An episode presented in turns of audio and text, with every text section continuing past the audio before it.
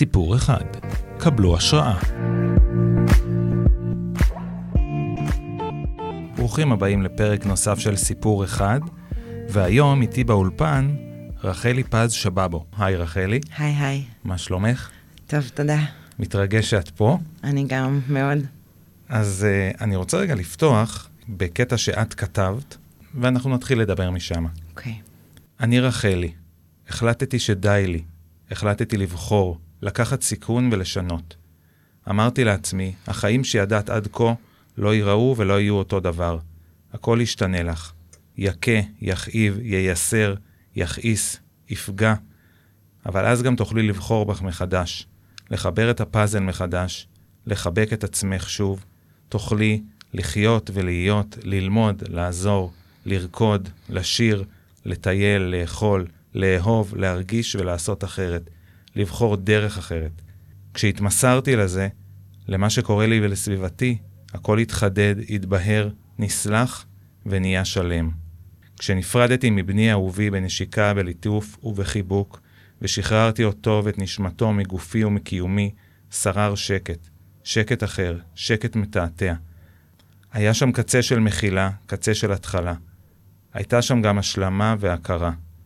ואני בתוך צומת של רמזורים מהבהבים, בוהקים, צועקים לי מתוך החושך שסביב, עומדת מפוחדת למול חיים שלמים שמשתנים לי. את מדברת על הפרידה מלירון, בנך האהוב. נכון. בואי תגידי רק אה, ככה בפתיחה, מתי אה, לירוני נפטר וממה. לירוני נפטר בשנת 2012, אה, ברביעי ביולי. לירון היה חולה בסרטן מאוד מאוד קשה מסוג יואינג סרקומה, שזה סרטן עצם, ששלח גרורות לריאות. ניסינו להציל אותו במשך ארבע וחצי שנים. נסענו לכל העולם, אה, ועשינו כמיטב יכולתנו, אה, ולצערי לא צלחנו. באיזה גיל הוא נפטר? 13 וחצי. כמובן, נחזור ונדבר על, על לירון בהרחבה, והמוות הזה שינה לך את החיים, ולא רק במובן של אישה ש, שסובלת משכול ו, ואובדן וניצבת לבד מול החיים, במקרה שלך, כמו שכתבת ואני קראתי עכשיו, אה, ממש נולדת מחדש. נכון. ובשיחות המקדימות שהיו לנו, את אמרת לי משפט מאוד מאוד חזק. המוות של לירון העיר אותי בעין, אבל באופן אחר הוא גם העיר אותי, באלף. למה את מתכוונת? אני מתכוונת לזה שבמותו זה היה כמו לאבד אותי, חלק ממני, אה, חלק מאוד מאוד גדול ממני. ובמקום הזה של החוסר, אמ, הרגשתי שאני חייבת אה, למצוא את עצמי מחדש, על מנת שאני אוכל אה, להתחיל, או להמשיך יותר נכון, אה, את החיים שלי, ו- ולעשות טוב, לעשות טוב לעצמי ולעשות טוב לאחרים. ושם התחיל מסע, מסע ארוך, מייגע. מסע שעדיין נמשך. מסע שנמשך כל הזמן, והוא תמיד יהיה. ואני גודלת במסע הזה, ומגלה על עצמי דברים חדשים. כל הזמן, כל יום, על הכוחות שלי, על, ה, על מי שאני, על מה שאני מביאה לפה, לעולם הזה, לסובבים אותי, לעצמי, למשפחה שלי. ו, וזאת ההתעוררות. זאת אומרת, אה, אם אה, לפני כן אה, פעלתי על אוטומט נקרא לזה, והחיים גלגלו אותי, אז החלטתי ש... שאני, שמהמקום הזה של האובדן של אירוני, אני בוחרת מחדש אה, בבחירות שלי בחיים, ואני יוצרת את החיים שלי. כל יום בעצם. קודם כל אני רוצה להגיד לך שאני מאוד מעריך את זה שהגעת לכאן ואת באה ונחשפת ו- ומשתפת על מה שעובר עלייך. אנחנו בזמן הקרוב באמת אה, נפרק במרכאות את המסע הזה שאת עוברת באמת ונדבר עליו. זה הזמן להגיד שגם אני מכיר את לירוני ויצא לי גם לעבוד איתו. הילד האהוב והחמוד הזה. כשאת מדברת על מסע ועל הדברים שאת עוברת, אז צריך ללכת עוד אחורה, הרבה לפני שהוא בכלל נולד, נכון. אה, ושהיו לך אה, חיי משפחה.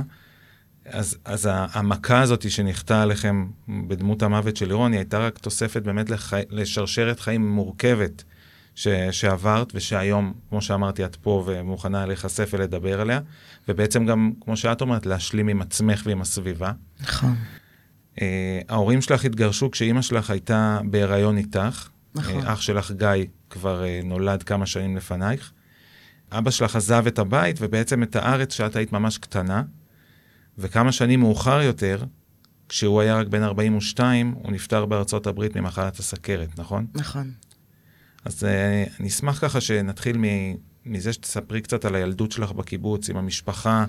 את מדברת הרבה בשיחות המקדימות שלנו על חוויית נטישה, ובעצם שנשארת עם המון סימני שאלה וחוסר ודאות של מי את ומה הם החיים בשבילך. אז אם את יכולה קצת להרחיב על, ה, על ההתחלה שמה. כן. Um,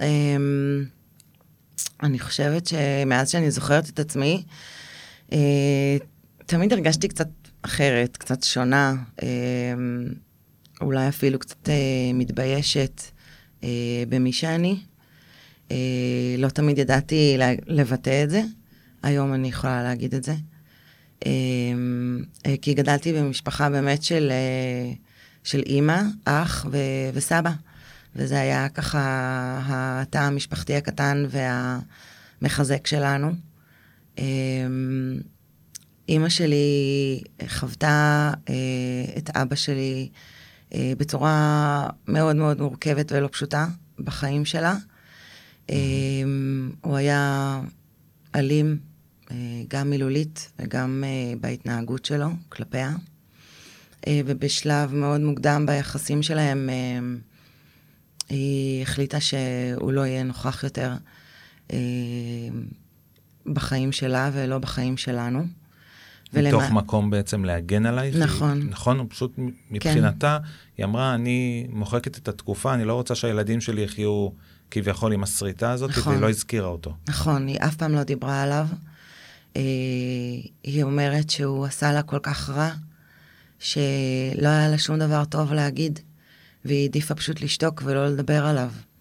אז למעשה גדלתי אה, במקום שבעצם אני, אני לא יודעת המון המון דברים על המשפחה שלי ועל השורשים שלי, אה, ובמהלך השנים אה, פשוט אה, רכבתי פאזל. Mm-hmm. רכבתי פאזל מ, מהשורשים ו, ועד היום.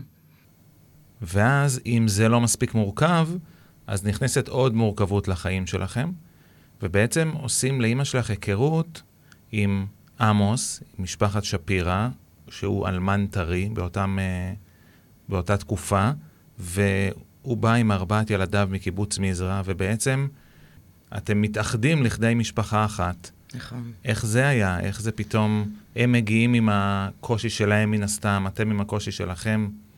איך זה קורה? איך זה עובד? היה איחוד משפחות.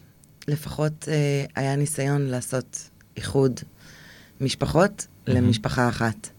אה, אז בעצם עמוס הגיע עם הילדים שלו, עזבו את הקיבוץ שלהם, את המקום ש... שהם גדלו בו והכירו אותו, ובעצם אה, אה, עברו לכאן, למעברות. וזה, אני, זה כל כך קשה לי לחשוב על זה, שיעשו לי דבר כזה, אז אני חושבת עליהם ואני, אתה יודע, זה... מתחברת לקושי שלהם. ממש, ממש, ממש. וגם אנחנו היינו בקושי ובמורכבות, והיינו אה, גרעין ותא משפחתי קטן, ופתאום הפכנו למשפחה ענקית, ולא היה עיבוד נכון mm-hmm. של, ה, של הסיטואציה, של הדברים. ו- ולא היה לנו במה להיאחז. אז למעשה אני, אני הרגשתי שהמשפחה הזאת היא, היא מנסה להיות משפחה כל הזמן, אבל, אמ, אבל בעצם אנחנו הולכים בשני חיים מקבילים. Mm-hmm. הם ב, ב, בחיים שלהם ואנחנו בחיים שלנו, ועדיין היה ניסיון להיות ביחד, ואימא שלי ועמוס היו הרבה מאוד שנים ביחד, ונאחזו אחד בשני ונשענו אחד על השני, וזה בעצם אה, הייתה המשפחה, רק שאנחנו כילדים אה, לא הרגשנו שהמשפחה הזו היא בית. אז פשוט, אני חושבת שכל אחד מאיתנו במקום שלו ובדרכו, הלך לחפש את הבית שלו. ואמרנו, הזכרנו קיבוץ, אז אה, בואו נדבר גם על המורכבות של הקיבוץ. לא הרגשת כמו כולם, עכשיו נגיד, את נכון. מעבר למורכבות המשפחתית שכרגע הזכרנו, את גם גדלת בקיבוץ. ואת אמרת שמלבד זה שאימא שלך שמרה עלייך מפני מה שאבא שלך היה, גם הקיבוץ במרכאות שמר עלייך. את, את מתארת את החוויה כמו עדר כבשים שאין בו יוצא מן הכלל, שאין בו מקום לשאלות, שאין מקום לשינויים, שכולם אותו פס יצור. ואת אמרת. שאת... כן, כמובן. שהיית כמו כולם, אבל לא. נכון. מה זאת אומרת? אה, זאת אומרת ש... אה, אני חושבת שהרגשתי אה, בדידות הרבה מאוד זמן, כי בתוך ה- העדר לא היה מקום ל- לשונה.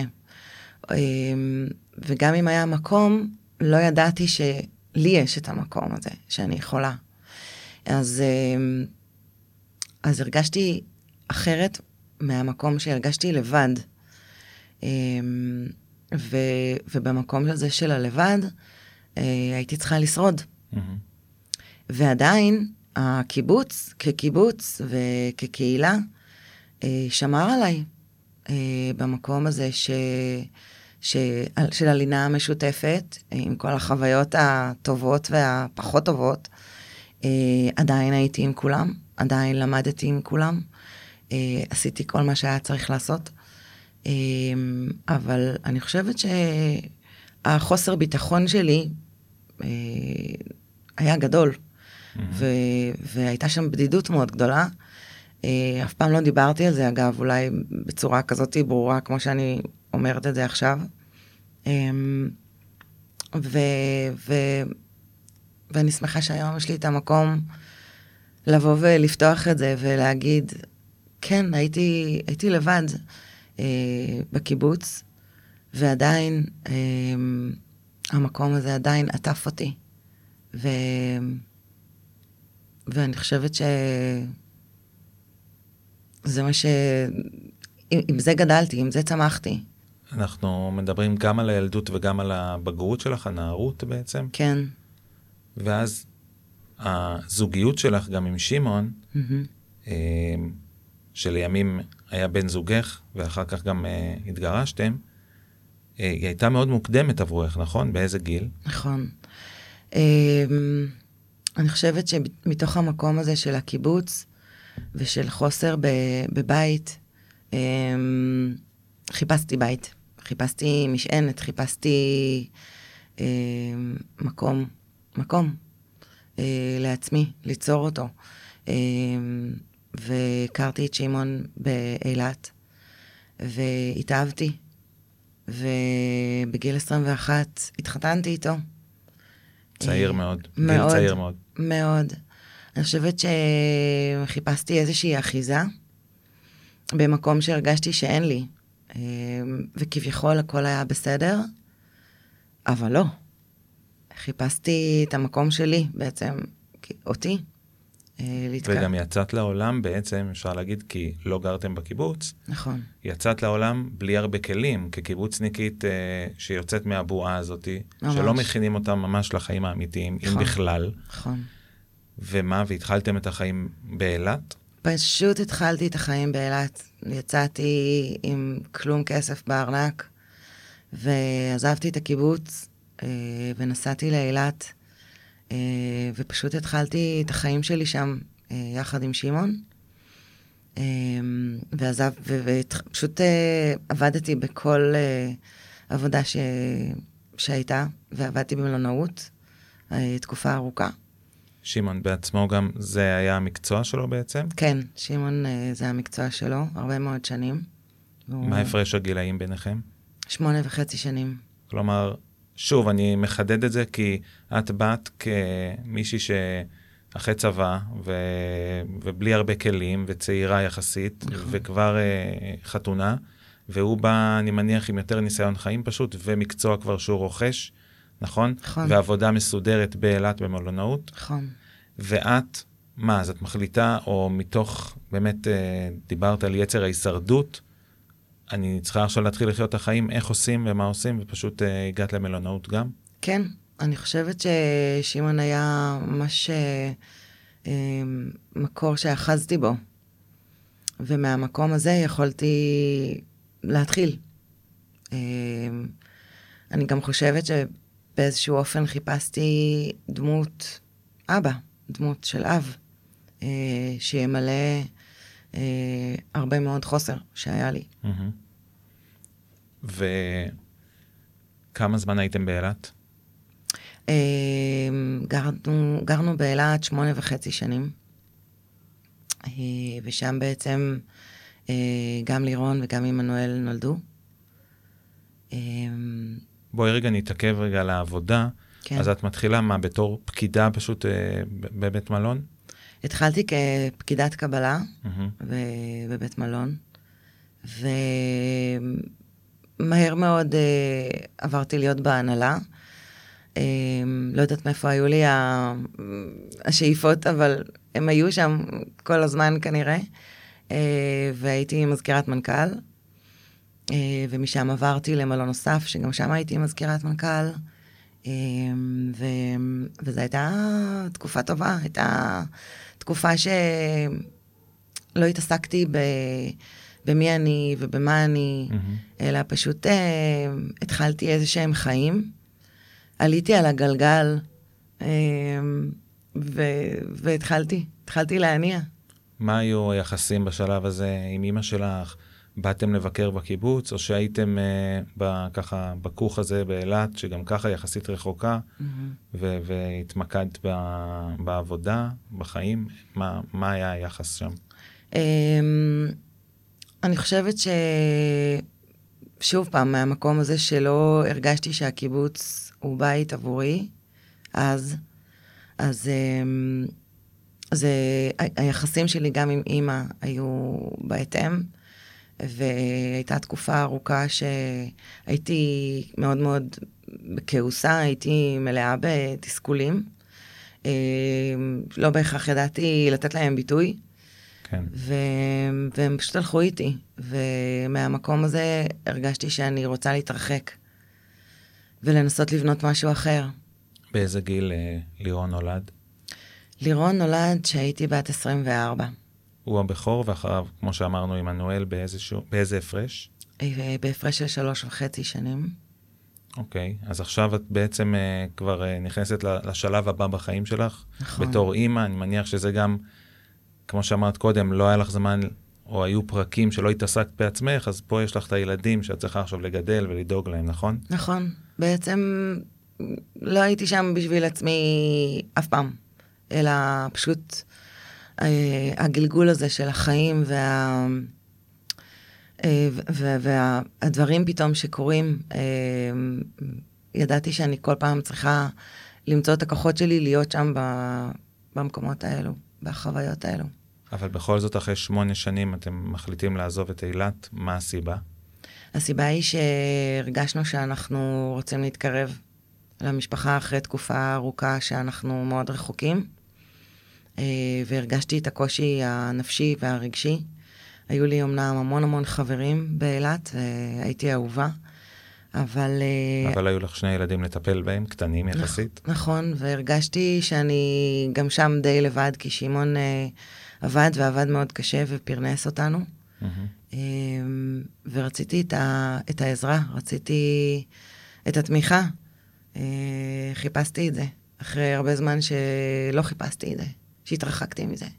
ואז אתם מתקרבים בעצם לאזור, לעמק חפר, נכון? נכון. ומה קורה בתקופה הזאת? אמ, לירון, אה, אם אני עושה חישוב נכון, היה באזור גיל חמש בתקופה הזאת שאתם אה, חוזרים מאילת? כן. ו- וגם הוא היה פה בגן בקיבוץ, נכון, מפה אני מכיר אותו גם.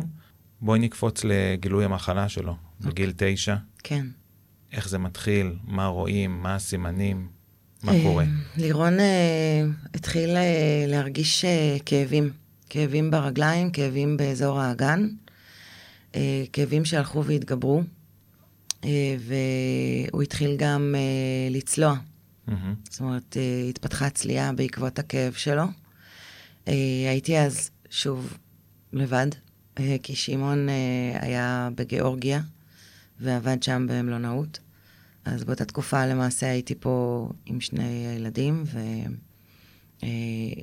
עם לירון ומה שהוא חווה, ולקחתי אותו לרופאים, אה, לבדוק מאיפה זה נובע ומה מה קורה. והיה רופא אחד שאמר לי שיש לו כאבי גדילה, ושזה יעבור. אז אתה יודע, אז ב- באותו, באותו רגע אמרתי, וואי, איזה כיף. מרגיע. מרגיע משהו. אבל אז הבנתי שהוא היה ממש... אה, אה, הוא הוא פשוט טעה בגדול בהבחנה שלו. אה, ו... והיה יום אחד שלירון אה, ממש אה, פשוט התפתל מכאבים. והרגשתי שאני אה, לא יכולה יותר להמשיך את היומיום שלי, והוא לא יכול להמשיך ביומיום שלו. אה, ואני חייבת לעשות איזושהי פעולה. אה, וביקשתי מאחי גיא שיבוא איתי, אה, ושנלך לבית חולים. אמרת לעצמך, אה, אני יוצאת מפה רק עם הבחנה. אני, אני כן. רוצה לפתור את, את הבעיה ש, כן, שהוא סובל ממנה. נכון. וש, ובאותו יום, מה, מה קורה? באמת יש כבר הבחנה ברורה, או מה לא. רואים? לא, אה, הם הבינו שהוא ממש ממש כאוב, הוא ממש בכה, ו... והתחילו לעשות אה, סדרה של בדיקות. אה, בדיקות דם, בדיקות רנטגן, CT, וכשעשינו בדיקת רנטגן, אז אה, הרנטגנאית ראתה נקודות שחורות ב... ב... בצילום. מהמם. והיא אומרת לי, את יכולה להוריד לו את החולצה שלו? אני רוצה לוודא שאני רואה נכון. והיא העבירה את החולצה שלו ברנטגן וואו. כדי ל- לבדוק ולוודא מה שהיא רואה. אז אני אומרת לה, תגידי לי, מה, למה, למה ככה? אז היא אומרת לי, אני לא יכולה לדבר איתך על זה, אבל את רואה את הצילום? אני אומרת לה, כן. את רואה את הנקודות השחורות? אני אומרת לה, כן. אז היא אומרת לי, זה לא צריך להיות. אמרתי, אוקיי. ואז אה, הפנו אותנו לבדיקות נוספות. אה, לירון היה מאושפז אה, איזה שבועיים וחצי במחלקת ילדים בשניידר, במחלקה רגילה, כדי לבדוק ולנסות להקל על הכאבים החזקים שהיו לו. אה, ועד שקראו לנו לשיחה עם, מחל... במחלקה האונקולוגית. מהמם. אני הייתי עם לירון, ואמרו לי שיש לו גידול באגן, שנקרא יואינג סרקומה, אה, שלמעשה שלח גרורות לריאות, אה, ושאנחנו נכנסים לתהליך של, אה, של טיפולים מאוד מאוד אינט- אינטנסיביים. בשלב הזה פשוט התקשרתי לשמעון, אמרתי לו, ללירון יש סרטן, תבכה, תוציא. אה, הוא מאוד מאוד בכה. ו... ותחזור. ואת בהלם, או מתעשתת מהר, אומרת, אנחנו נלחמים, בוכה, איך את מגיבה בעצם בהתחלה? אני חושבת שבהתחלה עוד אה, הייתי בסוג של איזשהו הלם, אה, ומנסה להבין מה קורה בעצם. מהמם. אה, היה פעם אחת שממש ממש ממש בהתחלה, אה, אחרי השיחה עם האונקולוג, עם הרופא האונקולוג, אה, אז ירד כזה האסימון הגדול, אבל יש בשפה של ההורים של, של ילדים חולי סרטן, יש, זה נקרא פטיש חמש טון. אוקיי. אז ירדתי למטה, אה, והייתי צריכה פשוט לבכות את כל נשמתי. אה, וסיפרתי, אני חושבת, לדיקלו, חברה שלי, וממש ממש ממש פרצתי בבכי אינסופי, ממש. אמ, באיזה שלב אתם מספרים ללירון על, ה... על מה שיש לו? אני חושבת שדי בהתחלה אני דיברתי איתו על זה, ואמרתי לו שאנחנו צריכים uh, לטפל. Uh, הרופא, uh, האונקולוג גם אמר לו שיש טיפול שצריך לעשות אותו. יכול להיות שינשור לו השיער, אז uh, הוא נבהל מזה. Mm-hmm. הוא ממש נבהל מזה. ואני רציתי להקל על הבהלה שלו, אז אמרתי לו, לירוני, אני גם יורד את השיער יחד איתך, שלא תרגיש לבד. והוא אמר, לא, אמא, לא. מה פתאום, בשום פנים ואופן לא. אמ, הוא רצה לשמור עליי בתוך זה. אמ, אבל הוא היה כזה חזק וגיבור, ש... שאני לא יכולתי שלא להיות גיבורה יחד איתו ובשבילו, אני חושבת. עם כל הטיפולים ובכל התקופה הזאת שהיא בעצם מחולקת לתקופות, הייתם גם בארצות הברית בטיפולים אה, ביולוגיים ש, שצלחו בהתחלה מאוד יפה. נכון. ו... והייתם בהרבה מאוד, אה, מן הסתם, עליות ומורדות, ואני זוכר את התקופה שהוא באמת, כל מי שראה אותו, כל מי שראה גם אתכם, אמרתם שהוא, שהוא גיבור, שהוא חזק, שעם כל מה, עם הסבל ו, וכל מה שהוא עובר, הוא, הוא, הוא מבחינתו מחלים, והוא יוצא מזה. ממש. יש עוד צלע, שזו עמנואל, שהיא הייתה בת שש כשהוא חלה. איך מתווכים לה את זה? איך נותנים גם לה תשומת לב כהורים בתוך כל הדבר הזה? אנחנו אחר כך קצת נרחיב עליה ועל ה... בתור אה, אחות של לירון שנשארה בעצם uh, כאחות יחידה, mm-hmm. אבל עברת גם איתה תהליך באמת מעורר השראה, אז נדבר עליו בהמשך, אבל בנקודה הזו, כן. איך, איך עושים את זה איתה? Um, זה היה לא פשוט, uh, ו... וכמה שזה היה לא פשוט, פשוט היינו צריכים לעשות את זה, mm-hmm. כמו שזה. Uh, והיא הבינה שלירון היא חולה, הסברנו כמובן, וללירון יש סרטן, אה, וזאת מחלה לא פשוטה, שמצריכה מאיתנו אה, הרבה מאוד כוחות. אה, ופשוט התחלנו את הדרך הזאת. אני חייבת להגיד שעמנואל ידעה להיות שורדת במקום הזה, והבינה שאנחנו במצוקה כהורים וצריכים להשקיע את המון מהזמן שלנו ומהאנרגיה שלנו ללירון. אה, מהמקום הזה אני חייבת להגיד שאני אה, סחבתי איתי איזה שהם רגשות אשם, שלא יכולתי להיות לה האימא שרציתי להיות לה. Mm-hmm. ו... והיא פשוט הצטרפה למסע הזה, ממש. פשוט כאילו, כאילו זה לא דובר כל כך, אה, אה, היא פשוט ראתה את מה שקורה, ועלתה איתנו על הרכבת הזאת. שזה ממש. מאוד בוגר אה, לילדה בגילה. מאוד, מאוד מאוד. והיא הייתה מדהימה, וניסינו לחלק את הזמן שלנו, שהיא אף פעם לא תהיה לבד, שתמיד אחד מאיתנו יהיה איתה בבית. אה, וגם סבתא שהייתה מעורבת אה, כל כולה. אימא שלך. נכון. ועוד צלע, אם אפשר להגיד שככה הצטרפה למסע, זה מקהלת העפרוני, כן. שלירון שר בה.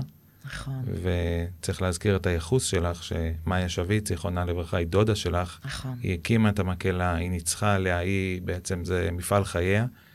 נכון.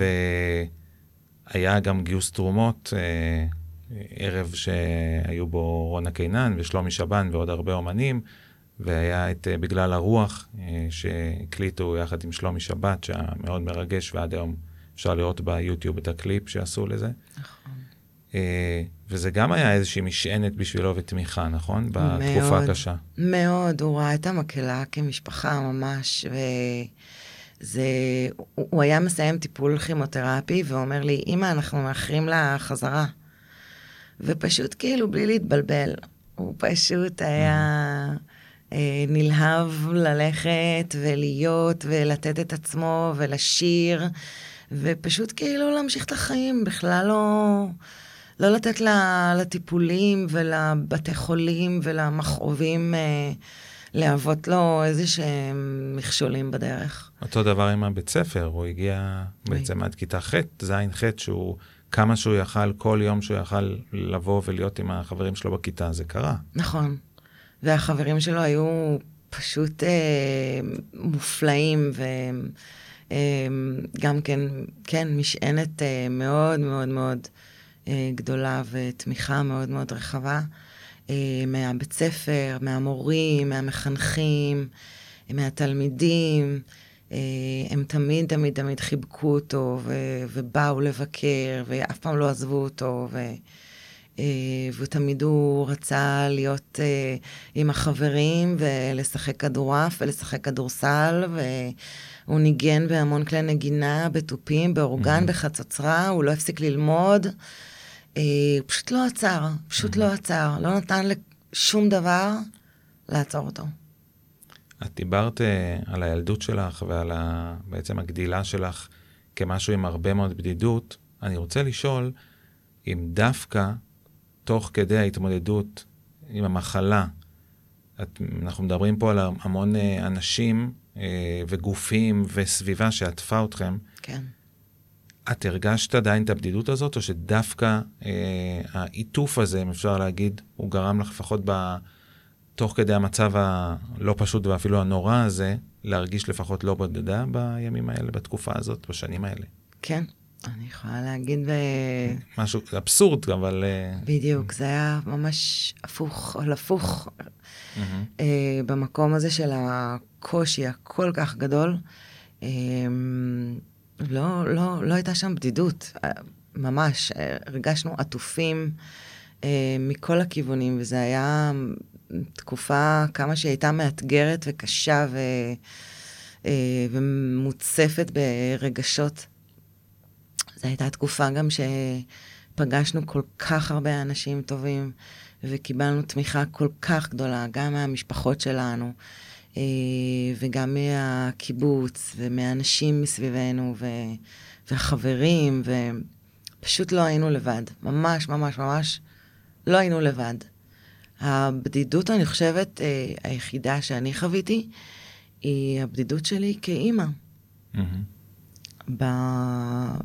במחלה של לירון, כי אין אף אחד שבעצם יכול לחוות איתי כאימא את מה שאני חווה. ושם הייתה בדידות. אה, אבל יחד עם הבדידות הזאת גם מצאתי בתוך עצמי המון המון המון המון המון כוח mm-hmm. שלא ידעתי ש... שיש לי. ואת היכולת אה, אה, לגדול מעל סיטואציות ולהרים אה, אה, את לירון, להרים את מי שנמצא סביבי, ובעצם בזה שאני מרימה אותו ושומרת על החיוך שלו, אני שומרת על עצמי. היה בתוך כל הארבע וחצי שנים האלה שהוא היה חולה, היה איזשהו רגע אחד שעבר במוח שלך, עברה מחשבה של מה קורה אם הוא לא יוצא מזה? אמ,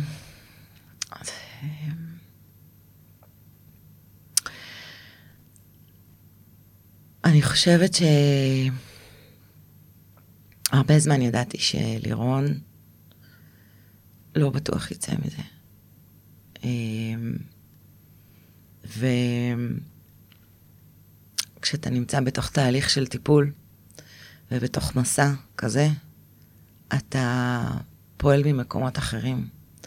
אתה משאיר את התקווה כל הזמן ערה וחיה, כי אחרת אי אפשר לעבור את זה. יש אה, אש קטנה כזאת שלא תכבה. ממש. שבחס וחלילה במקרה לא... נכון. Mm-hmm. והיא לא כבתה עד הסוף. אה, כי אני ידעתי שאני אחרת לא יכולה. לא יכולה לעבור את זה, לא יכולה להיות בשביל לירון, לא אוכל להיות בשביל עמנואל, לא אוכל בכלל. אה, ובשנה וחצי האחרונות, לפני שהוא נפטר, אה, אני ידעתי. אני ידעתי ש... שזה יהיה, שזה יהיה הסוף. אמ, ועדיין, אמ, עשיתי כל מה שיכולתי אה, כדי אה, להיות שם בשבילו ובשביל עמנואל. אה, לא הייתה שום דרך אחרת, וכשאין דרך אחרת, אז אתה פשוט, אתה פשוט עושה, אתה פשוט mm-hmm. נוכח.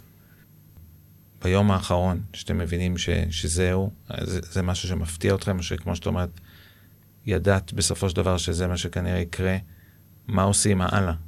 מן הסתם, הלוויה ושיבה זה דברים שהם בלתי יתוארו בקושי שלהם, אבל אם את יכולה לתאר איך את, אה, איך את בימים האלה ואיך את קמה משם, מה, מה, מה את עושה? כי את מתחילה בעצם להיות בתקופה שהיא אולי הקשה בחיים שלך, כי הכל מתנקז לשם, וכל מה שדיברנו עליו עד עכשיו, עכשיו גם מוסיפים לך ילד ש... שחווית את האובדן שלו. נכון. אמ, אז אני, אמ, אחרי שלירון נפטר, ממשיכה, לא עוצרת. אמ, וזה אומר אה, לחזור ללימודי אה, כושר שלמדתי והפסקתי באמצע כי לא יכולתי להמשיך בעקבות מצבו של לירון. ואני אמ, חוזרת להתאמן בחדר כושר וממשיכה אה, לראות חברים ולהיות עם אנשים. מאיפה את מוצאת את הכוח? מה מניע אותך להצליח לעשות את זה? את, הרבה מאוד הורים ש, שחווים את השכול הזה, זה לא הדיפולט שלהם להגיד אני ממשיך. נכון. את, uh, הייתה לך את ההתלבטות? לא, את, uh... אף פעם לא. היה לי ברור שאני ממשיכה, ובהתחלה גם לא ידעתי למה. Mm-hmm. לא נתתי לזה שם, לא נתתי לזה כותרת, לא נתתי לזה פרשנות. אה, לא אפשרתי למקום הזה בכלל להיות באיזשהו סימן שאלה. אה, והמקום הזה של ההמשכיות זה מה ששמר עליי. אה, כי אני חושבת שאחרת, אה, אם הייתי אולי אז נמצאת באיזושהי מודעות ש... של מה שקורה לי ומה שעומד לפניי, לא בטוח שהייתי יכולה אה, להמשיך. ומהמקום הזה שפשוט לא עצרתי, אה, אני לא יודעת מאיפה הכוח, הוא, הוא, הוא פשוט שם. Mm-hmm. הוא פשוט שם. זה איזשהו, לא יודעת, תקרא לזה נאיביות, תקרא לזה אותנטיות, תקרא לזה אה, לבחור להיות פה שוב פעם, mm-hmm. אה, ממקום אחר. אמ, אבל לקח זמן, לקח זמן אה, אה, לבטא את כל, מש, את כל הרגשות ש, שלא נתתי להם מקום אז, למעשה. לקח זמן עד שהם יצאו ועלו, וגם אז המשכתי. אה, ו... את דיברת קודם על uh, רגשות אשם, שלא היית מספיק uh, עם עמנואל כאימא. נכון. יש איזשהו פיצוי על זה בתקופה הזאת, או, ש... או שאת לא מסוגלת? מה הרגשת כלפיה, איך זה היה איתה? וגם נזכיר שחוויתם משבר זוגי, שבסופו התגרשתם, באיזה תקופה זה היה? נכון, התגרשנו שעמנואלי הייתה בת 11 וחצי. אמ, אני כל כך רציתי לשמור על עמנואל, וכל כך רציתי אה, לעשות טוב אה, אחרי תקופה כל כך ארוכה, הרבה, אחרי שנים שבעצם לא היינו שם בשבילה, אבל ידעתי שבשביל לעשות את זה, אני, אני חייבת uh, להיפרד משמעון, ו, ולמצוא את הבסיס שלי מחדש. כי אם אני לא אמצא את הבסיס שלי, ואם אני לא אאבד את כל מה, ש, uh, את כל מה שקורה לי, אז אה, איך אני אוכל לבנות משהו? איך אני אוכל אה, לאחות שברים? איך אני אוכל להמשיך להרכיב את הפאזל הזה של החיים ש, שאני מרכיבה אותו מגיל מאוד מאוד צעיר, ו, ו, ושוב פעם, החתיכות של הפאזל נשברות ואני רוצה להרכיב אותם מחדש, אבל להרכיב אותם נכון. ו... וידעתי שאני חייבת לעשות טיפול לעצמי, אמ, על מנת אה, להיות שם עבורי ועבור עמנואל. הרגשתי סוג של עבודה בעולם. Mm-hmm. אמ, הרגשתי חרדות.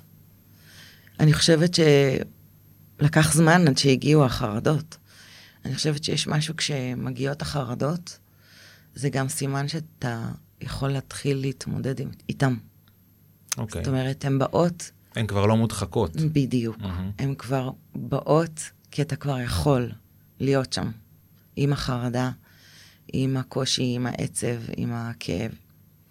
אה, וכשהם באו, הם באו ביג טיים. אה, ולא יכולתי לתפקד. אה, היו ימים שלמים שפשוט הכיתי את נשמתי. אה, לא יכולתי להיות, לא לעצמי ובטח לא לעמנואל. והבנתי ש... ש... שזהו, שאי אפשר יותר, שעכשיו זה הזמן לטפל. אני רוצה להכניס לפה, למשוואה הזאת, עוד uh, נעלם ש... שלפתע הופיע, שבעצם את גילית גם שיש לך uh, עוד uh, חצי אח. כי אבא שלך, שעזב כשהייתי ילדה, נסע, טס לארצות הברית, נכון? נכון. בואי תספרי בעצם uh, איך את מגלה את הסיפור הזה, ומ- ומתי זה, ממי זה, מתי, איך. אה, אחי אלכס, הוא הגיע לחיים שלנו כשאנחנו היינו מאוד מאוד קטנים, גם אני וגם גיא. אה, הוא היה צעיר, הוא היה בן 15-16, אה, והוא אה, החליט שהוא הוא לא מוותר עלינו. אנחנו אמנם לא מאותה אימא, נגיד שהוא נולד בעצם לאישה שאבא שלך היה איתה לפני אימא שלך. נכון, נכון הוא מאוד. התגרש ממנה, ואז הוא פגש את אימא שלך, וגם איתה היה לה שם, היה לו סיפור אה, לא טוב, נגיד ככה. נכון, אז בעצם אלכס גם איבד אה, את האבא המשותף שלכם, נכון. אבל הוא מופיע בחיים שלכם, ו- ומה זה אומר לא מוותר עליכם? זה אומר שהוא הוא, הוא ראה אותנו, והוא אמר, זה המשפחה שלי. מה הפרש הגילאים? אה, אלכס היום בן 63, נגיד שאת, בת 49, כן, אוטוטו? אז אה, 14 שנה הבדל. נכון, אני מניח שברגעי משבר, אה, כשהמשפחה מתגייסת ומישהו כזה בדמותו בא, כן, זה נותן איזושהי תקווה. נכון. כן, הוא נתן לי בהחלט המון המון תקווה. אה, היחסים ביני לבינו מאוד מאוד מאוד קרובים.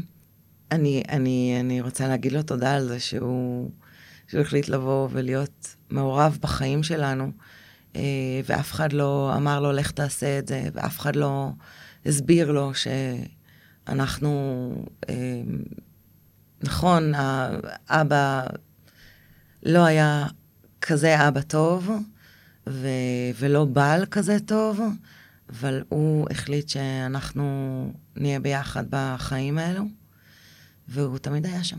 תמיד. לכם, גם, אה, גם הוא וגם גיא, אח, אחי, שנולדנו למעשה באותו יום. בהפרש של שנתיים. בשיחות שלך עם אלכס, שאת כבר בוגרת, יש אה, דיבור על, על אבא שלך? איך הוא זוכר אותו? מה, כן. מה, הוא סיפר לך קצת? כן. אה, כן, אה, אלכס אה, חווה את אבא אה, גם בתקופות אה, טובות וגם בתקופות אה, פחות טובות. אה, הוא חווה אותו ממש כאבא, אה, כדמות אבאית, אה, עם כל המגרעות אה, ש, שהיו לו, ו, והיו לו. ואתם היום, את ואלכס, בקשר טוב? כן. רציף? כן, מאוד. אמ, כן, אלכס אמ, היום מתמודד גם עם סרטן, אה, לא פשוט. אמ, ו... איפה את מוצאת את עצמך בתוך המקום הזה? או שאת חזקה יותר אה, מפעם כדי להיות שם גם בשבילו ועבורו, לפחות, את יודעת, במיינד. אני חושבת שפעם הייתי חזקה אה, כלפי חוץ, אבל לא באמת כלפי פנים. היום אני מרגישה שאני יותר חזקה גם בפנים וגם בחוץ. וזה לא מוריד מרגע, לרגע מה, מהפגיעות ומהחוויות הקשות ומה, אה, ומהתסכול ומהכאב ומה... של הדברים. אבל אה, אני היום אמרתי לו, אני... זה לא עובד לי יותר להיות חזקה. מהמם. אני, אני פשוט, אני פשוט אהיה. את רוצה להיות אותנטית. כן, אני פשוט אני. כן. לטוב ולפחות טוב, זה מה יש. ואני שם. אנחנו עצרנו קודם, אה, כשבעצם בתקופה הקשה, אחרי המוות של לירון, את אה, מחליטה ללכת לטיפול. כן. אם את אה, מוכנה לספר מה עשית, או מה היה סוג הטיפול, מה עזר לך. הלכתי למטפלת בשם אורה גולן, מהמם. שהיא עובדת בשיטה ייחודית שלה. לא ידעתי כל כך אז אה, לתקשר את הדברים, אה, לשבת מול פסיכולוג ולהתחיל לדברר את עצמי, היה, היה ממש כמעט בלתי אפשרי. ואורה בשיטה שלה היא פועלת בשיטה אחרת, אה, זה דרך הגוף, אה, שיטה שבעצם היא עוזרת אה, לבן אדם לעזור לעצמו ולהתיר מחסומים וחסמים ו- ולמצוא מחדש את, ה- את עצמו ואת האותנטיות שלו, של מי שהוא, אה, לא על פי חוויות או טראומות או משקעים שהצטברו במשך החיים. והייתי מטופלת אצלה לא מעט זמן. לא יכולתי לוותר על עצמי, והרגשתי שאני מוכרחה לעשות את העבודה. והעבודה הזאת לקחה שבע שנים. וואו. כן, הייתי אצל אורה שבע שנים. אה, הרגשתי שאני עוברת משהו ומתפתחת, וכל פעם קורה עוד משהו, ואני מסירה עוד שכבה, ועוד מחסום, ועוד איזשהו משקע, ו, ופתאום דברים נפתחים, ודברים קורים, ו, ואני לא מפסיקה לטפל.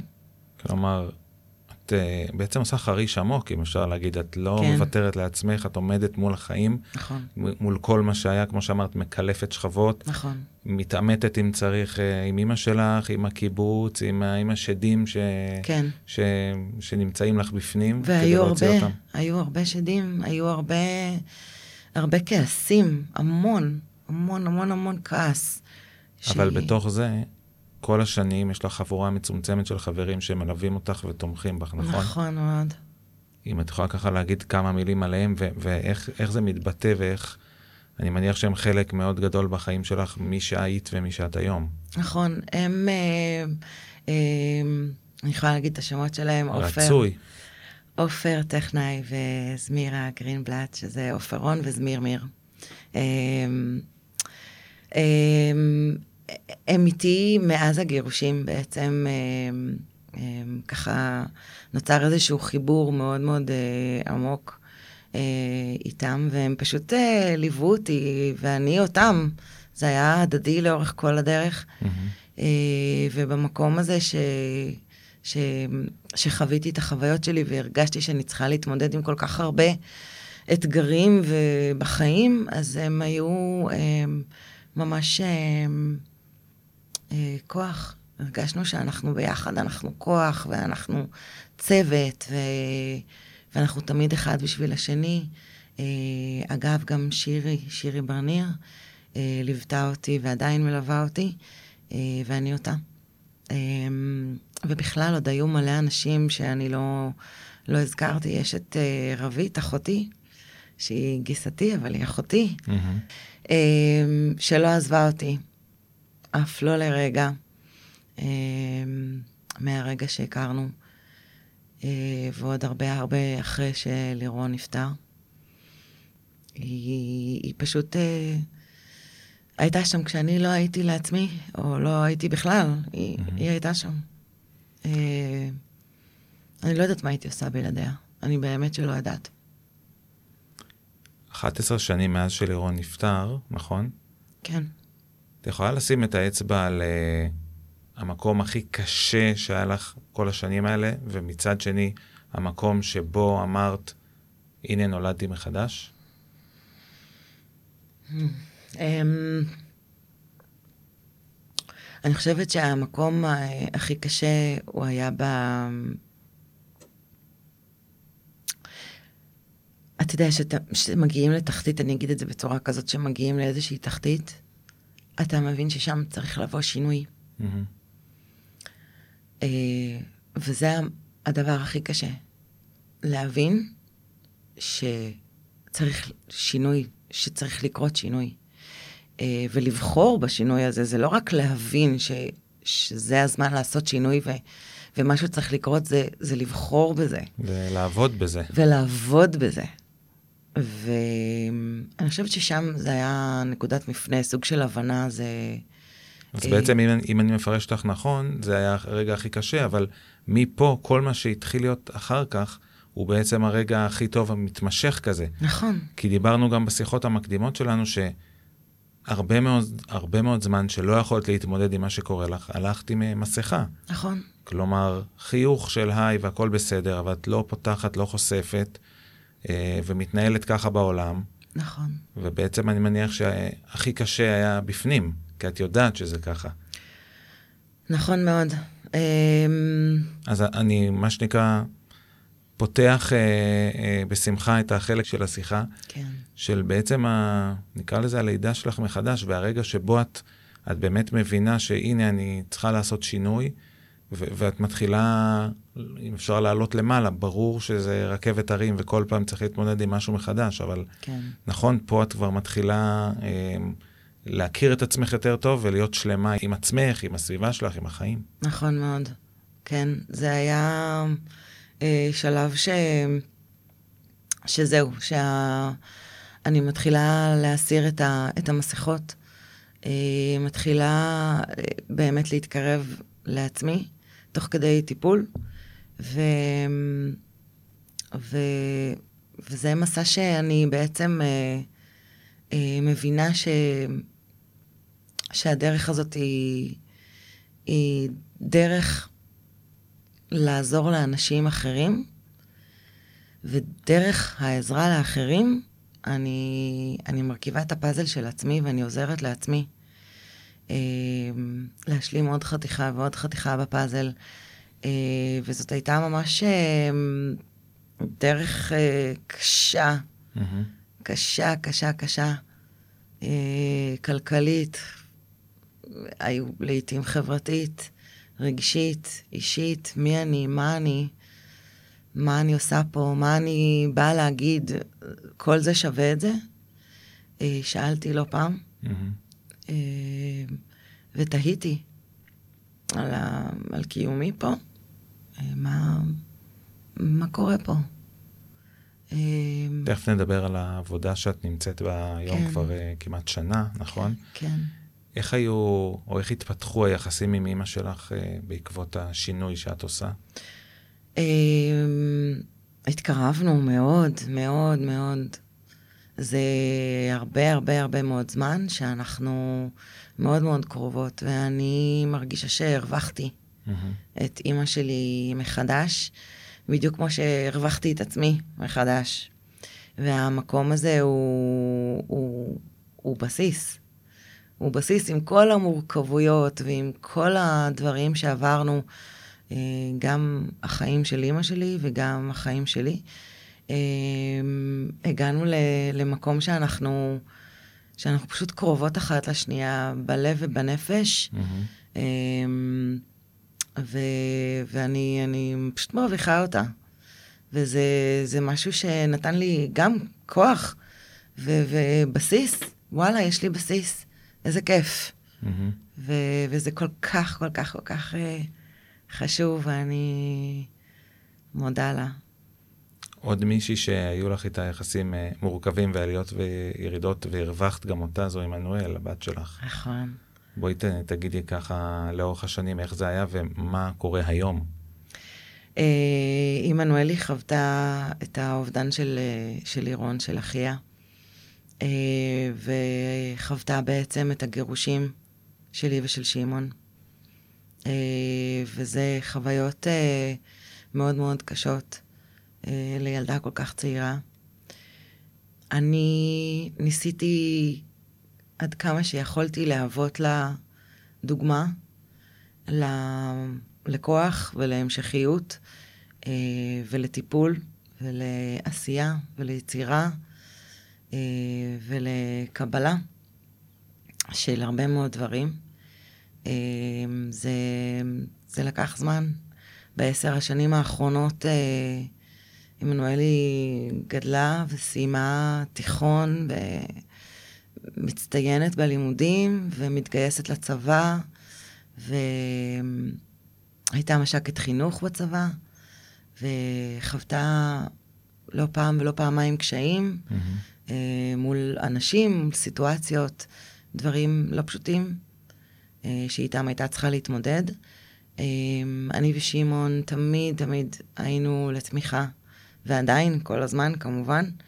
ואני חושבת שתוך כדי הזמן הזה שהרגשתי שאני, שאני מטפלת ו, ו, ועושה תהליך, אז זה בעצם מה שהיא ראתה, היא ראתה שאני, שאני פה, mm-hmm. שאני לא הולכת לשום מקום. לא אני ולא שמעון, שאנחנו כאן, נכון, אנחנו לא ביחד, אבל אנחנו פה עבורה. אה, והדגשנו את זה, והראינו את זה, ונתנו אה, את עצמנו לה ובשבילה, והיא קיבלה את זה. ואני חושבת שהיא היום יודעת אה, לראות ו- ולהוקיר ולהעריך, ו- וגם להגיד כמה שהיא כואבת וכמה mm-hmm. שהיה לה חסר. ו... והיא יודעת להגיד את זה ולבטא את זה, והיא יודעת שאנחנו היום במקום של כזה כוח, והצלחתי לתת לה הרגשה של בסיס, שיש פה את הבסיס שלה. נכון, הוא, הוא, הוא היה אחר הבסיס הזה, הוא התחיל בצורה מסוימת כמשפחה, והמשפחה הזאת התפרקה, mm-hmm. ו... ואחיה נפטר. ו... והנה אני פה, אני כאן, ואני כאן להישאר, ו... ואני... ואני בסיס. ונגיד שלפני שבוע היא נסעה עם חבר שלה, נכון, למזרח לטיול אחרי צבא. כן. והרבה אנשים שרואים אותך ככה, שואלים אותך בחרדה, איך את לא חוששת ואחרי מה שהיה לכם, אבל את נמצאת במקום מאוד שלם, שאת בעצם מה שנקרא, משחררת אותה בשמחה, שתחווה, וכמובן תחזור אלינו במהרה. כן. אבל, אבל את, את במקום טוב עם זה, נכון? וואו, מאוד. יש משהו כל כך טבעי ונורמלי, אה, במרכאות, כי מה זה נורמלי, מי מחליט מה זה נורמלי mm-hmm. היום, אבל יש משהו כל כך טבעי בזה שהילדה משתחררת מהצבא, ו... ו- ונוסעת לחו"ל ופורסת כנפיים והולכת, ל... יוצאת לעולם. אה, יש שם את כל הדבר הטבעי הזה שקורה, שבעצם לא חוויתי אותו קודם. לא, לא, לא נפגשתי בו, לצערי. ו, ואנחנו אה, כל כך היינו בשאלות, כל כך אה, שלמות. היא במקום שלה ועם הקשיים, עם ההתמודדות. יש משהו שלם, יש בסיס שממנו אפשר לצאת. כן. ועם זה היא יצאה. אז, אז, אז הכנפיים שלה, זה לא רק הכנפיים שלה, זה גם הכנפיים שלי. Mm-hmm. מקסים. ואני אני חווה את הכנפיים האלו יחד איתה, ואת המעוף הזה, ו, ואת התעופה הזאת על החיים, mm-hmm. ומוקירה תודה על כל הדרך ה... הפתלתלה הזאת. וואו, בלשון המעטה. ועוד דבר שאת עפה עליו בעצם, זה העבודה שלך. נכון. את עובדת כמדריכה שיקומית בגשר לקהילה. נכון. מה זה אומר התפקיד? עם מי את עובדת?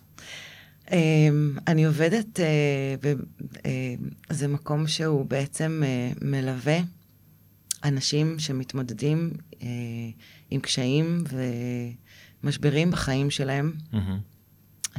ויש להם את הזכות לקבל סל שיקום. אה, סל שיקום שבעצם אה, אני כמדריכת שיקום אה, עובדת בצוות של מתאמות טיפול, מנהלת כמובן, אדווה, ואנחנו מלווים את האנשים ועוזרים להם ב... בהכי הכי בס... דברים בסיסיים של החיים שלהם.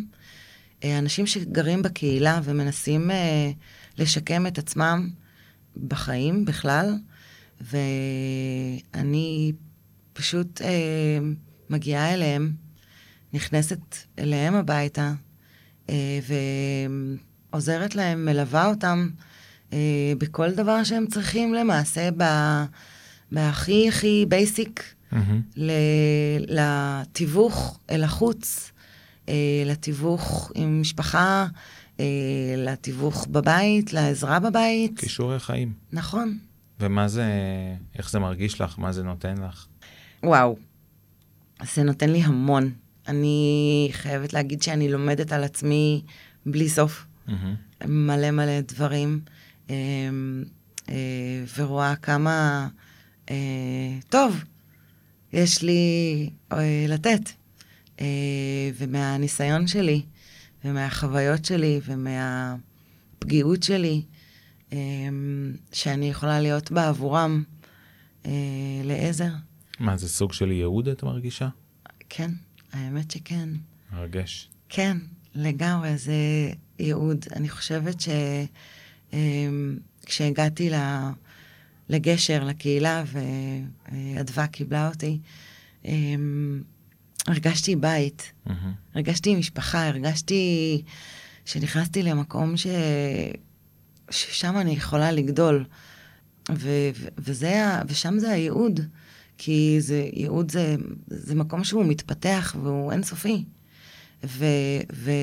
ולתת מתוך המקום הזה לאחרים, מתוך החוויות שלי, החיים שלי, הניסיון שצברתי, הידע, ה... מי שאני היום, Mm-hmm. אמ, לקחת את כל זה ולהעביר אותו הלאה. וזה בעיניי ה... למה באתי לפה. Mm-hmm. באמת, כן. כן. יש שיר שהשפיע עלייך אה, ככה על החיים שלך בתקופה, אה, בתקופה הקשה נגיד ככה, אני מדבר על שיר של לאה גולדברג. כן, הייתי מאוד שמח אם אה, תקראי לנו אותו בקולך. בטח. מה צריך אדם? מה בסך הכל צריך אדם? לפחות אדם אחד אחר, שישקף לו את עיניו, שיהדהד לו את קולו, שישבור את בדידותו הקיומית, את החומות השקופות שבין התוך לבין החוץ לבין התוך, שיחזיק בכפיים רועדות את הנפש, העירומה, השברירית, וינהג בה ברוך. אדם, בסך הכל, צריך אדם. השיר הזה אה, פשוט נוגע בי בכל המקומות אה, האפשריים, ו, ובעצם אה, משקף גם את הדרך שלי כבן אדם, וגם בעצם מה שאני עושה היום בשביל אחרים. ויש שם משהו כזה שלם ונכון אה, ובטוח אה, ומאפשר. מהמם. לקראת סיום השיחה המרגשת שלנו, רחלי, בחרת שנסיים בשיר של עדי אברהמי, זה מתחיל בצעד. אני חושב שאנחנו פשוט אה, ניפרד אה, על הרקע שלו, והמילים שלו פשוט אה, מדברות בעד עצמן. נכון. ולפני שנתחיל לשמוע אותו, וככה זה ייקח אותנו לסיום הפרק, אני רוצה להגיד לך המון תודה על האומץ ועל הכנות ועל השיתוף, ואני חושב שכל מה שחווית ומי שאת היום והדרך שעברת, אה, באמת אה, מעורר השראה, ותודה שבאת אה, לפה לסיפור אחד אה, לשתף אותי ואותנו, את כולם. תודה רבה לך, שאתה אה, כמו אה, צינור בשבילי לעולם, שדרכו ואתה נותן לי את הבמה ואני יכולה אה, בעזרתך אה, לשתף אה, אחרים, והמון המון תודה. כשאדם אחד, יחיד ומיוחד, פוסע צעד קטן אל עבר מה שכבר מזמן הפך סיפור ישן, חלום רחוק מכאן. פוסע צעד קטן, נושא את הבלתי יאומן מכל האנשים ובין אלפי דעות. פוסע צעד קטן, נושא עיניו אל הבאות בתעוזה גדולה, באומץ לב ושתי עיניים בורקות. וזה מתחיל בצעד, זה מתחיל בחלום, זה מתחיל באזור בבטן שתמיד ממשיך לנשום, זה מתחיל ממני וממשיך אליך גם, זה מתחיל בדיוק בפחד שניצחתי לא מזמן, זה מתחיל מדמיון וממשיך למציאות, זה האומץ להפוך את הקשיים להזדמנות, זה מתחיל בצעד וממשיך למסע, זה מתחיל מאדם אחד ועובר לאנושות כולה. כשאדם אחד, יחיד ומיוחד, פוסע צעד קטן אל עבר מה שכבר מזמן הפך לא אפשרי, למין סיפור מקרי. פוסע צעד קטן, עושה את הבלתי יאומן, למרות כל הקולות, הוא לא ישקוט, עד שיסלול דרכו, עד שיפלו כל החומות, בתעוזה גדולה, באומץ לב, ושתי עיניים בורקות. בחלום, זה מתחיל באזור בבטן שתמיד ממשיך לנשום, זה מתחיל ממני, וממשיך אליך גם. זה מתחיל בדיוק בפחד שניצחתי לא מזמן, זה מתחיל מדמיון וממשיך למציאות, זה האומץ להפוך את הקשיים להזדמנות, זה מתחיל בצער וממשיך למסע, זה מתחיל מאדם אחד ועובר לאנושות כולה. יש אלף אנשים ולכולם דעות, אלף מתלבטים אם לחיות או להיות סתם בן אדם, כלוא בין החומות של הפחדים שלו שלו, של אנשים שלא העזו לנסות. תהיה האיש שלא פחד, שלא חשב יותר מדי מה יאמרו ואם כדאי, האמונה תיתן לך אמון בדרך. וזה מתחיל בצעד, זה מתחיל בחלום, זה מתחיל באזור בבטן שתמיד ממשיך לנשום, זה מתחיל ממני וממשיך אליך גם, זה מתחיל בדיוק בפחד שניצחתי לא מזמן, זה מתחיל מדמיון וממשיך למציאות, זה האומץ להפוך את הקשיים וממשיך למסע, זה מתחיל מאדם אחד ועובר לאנושות כולה. זה מתחיל מאדם אחד ועובר לאנושות כולה.